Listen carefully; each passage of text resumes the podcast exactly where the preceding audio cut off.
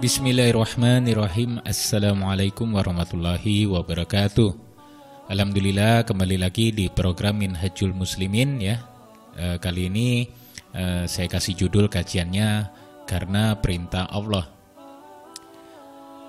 Dakwah, kita bicara dakwah. Berbicara tentang dakwah itu nggak ada habisnya. Selalu ada pembahasan tentang dakwah. Selalu ada rumusan yang berlaku untuk tetap menghidupkan dakwah Selalu ada langkah untuk membuatnya bergerak. Selalu ada waktu untuknya ya, untuk berdakwah. Itu jika kita sadar akan pentingnya dakwah. Kalau tidak, kata Ustadz Hanan Ataki dalam salah satu captionnya di Instagram menuliskan bahwa dakwah itu seperti uh, social engineering ya. Dakwah itu tidak sebatas menyampaikan nasihat kemudian berlalu, tapi lebih dari itu. Dakwah adalah pendampingan, teladan, pengayoman, dan mengarahkan ke yang lebih baik lagi. Karena kita sadar bahwa dakwah itu bukan perintah manusia, tetapi perintah dari Robnya manusia. Perintah dari penggenggam kehidupan seluruh makhluk. Raja di atas raja yang memiliki kerajaan langit dan bumi.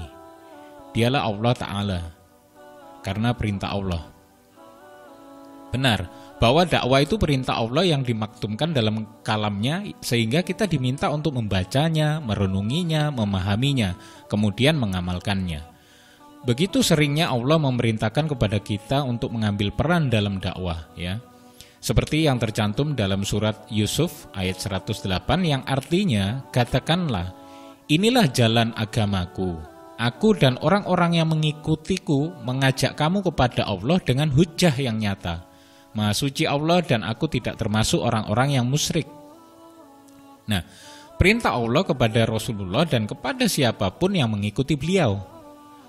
Mengambil peran dalam dakwah ini karena karena kita tahu betul bahwa setiap perintah yang Allah berikan kepada hambanya selalu ada kebaikan yang telah disiapkan sebagai balasan. Ya. Setiap perintah yang dimaklumatkan oleh Allah akan ada pahala yang sangat besar yang telah disediakan bagi kita. Maka apa alasan kita untuk mengabaikan perintah Allah? Apa hujah kita kelak di hadapannya jika tidak mematuhi perintahnya? Apakah kita tidak mendapatkan bagian nikmat darinya? Tidak sama sekali, karena setiap harinya Allah mengguyurkan nikmat kepada kita semua. Saat kita terbangun dari tidur, Allah memberikan kenikmatan dengan mendapati diri kita tetap bernafas ya dan menikmati pagi yang telah datang. Bahkan saat kita tertidur, Allah telah memberikan nikmat dengan membuat kita bergerak ke kanan dan ke kiri sehingga otot dan persendian kita tidak kaku. Coba bayangkan bagaimana jadinya jika saat kita tertidur, kita tidak pernah bergerak sedikit pun. Apa yang terjadi? Apakah peredaran darah kita lancar? Ya. Nah, eh, saya kutip lagi dari Al-Quran ya, surat An-Nahl ayat 18, yang artinya dan jika kamu menghitung-hitung nikmat Allah, niscaya kamu tidak dapat menentukan jumlahnya. Sesungguhnya Allah benar-benar maha pengampun lagi maha penyayang.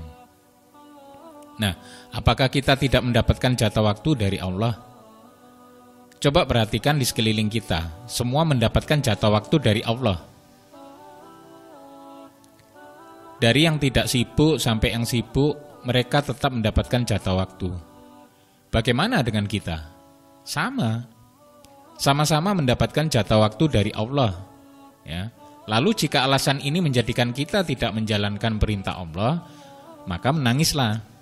Menangislah karena diri kita tidak bisa memanfaatkan dan memaksimalkan waktu untuk menunaikan hak Allah kepada kita.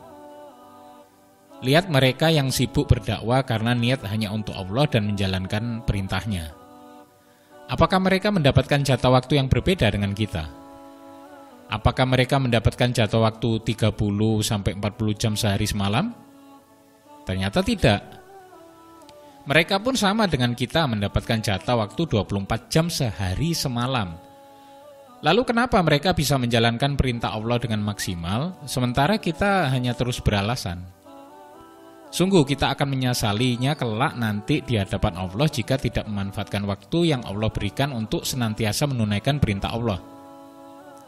Mereka akan menangis dan meminta kepada Allah diberikan kesempatan sekali lagi. Mereka memohon kepada Allah dikembalikan ke dunia untuk beramal soleh. Namun semua telah terlambat dan harapan dan permintaan mereka menjadi sia-sia karena tidak akan dikabulkan oleh Allah Ta'ala.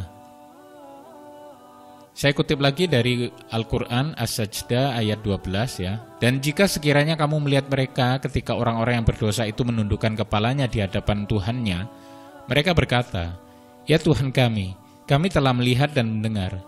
Maka kembalikanlah kami ke dunia, kami akan mengerjakan amal soleh dan sesungguhnya kami adalah orang-orang yang yakin. Dakwah adalah perintah Allah, maka ambillah, jadikanlah prioritas utama dan kesibukan hidup dalam menjalani masa yang Allah amanahkan kepada kita. Karena perintah Allah, maka Allah akan membimbing kita, Allah akan memudahkan kita, Allah akan menuntun kita.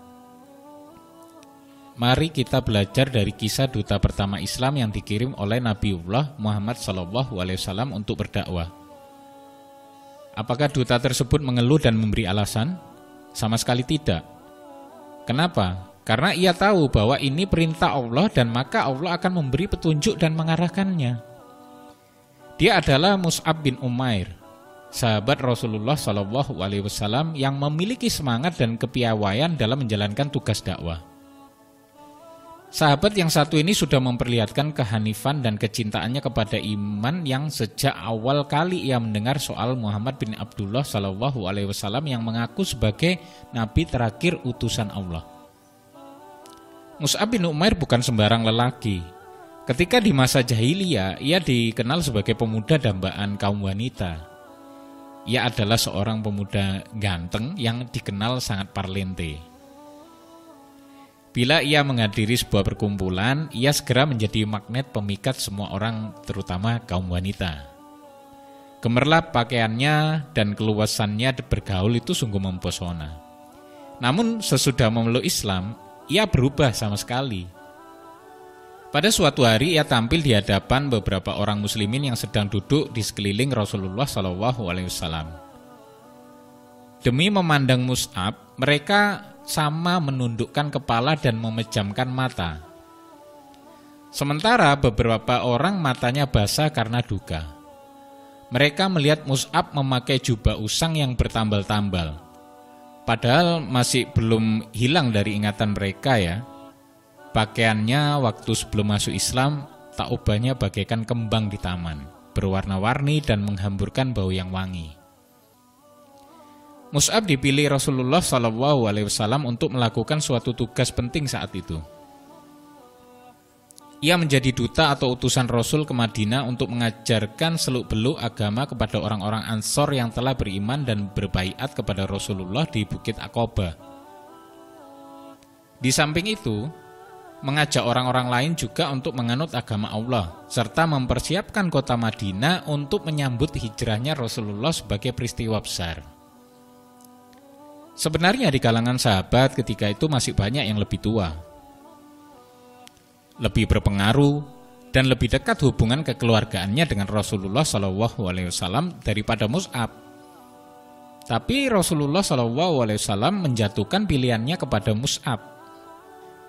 Dan bukan tidak menyadari sepenuhnya bahwa beliau telah memikulkan tugas amat penting ke, ke pundak pemuda itu ya. Dan menyerahkannya kepadanya tanggung, tanggung jawab nasib agama Islam di kota Madinah.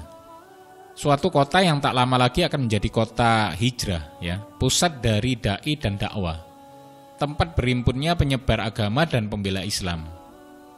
Mus'ab memikul amanat itu dengan bekal karunia Allah kepadanya berupa pikiran yang cerdas, ya, dan budi yang luhur. Dengan sifat zuhud, kejujuran dan kesungguhan hati, ia berhasil melunakkan dan menawan hati penduduk Madinah hingga mereka berduyun-duyun masuk Islam. Sesampainya di Madinah didapatinya kaum muslimin di sana tidak lebih dari 12 orang. Yakni hanya orang-orang yang telah berbaiat di Bukit Akoba. Tetapi tiada sampai beberapa bulan kemudian meningkatlah orang yang sama-sama memenuhi panggilan Allah dan Rasulnya.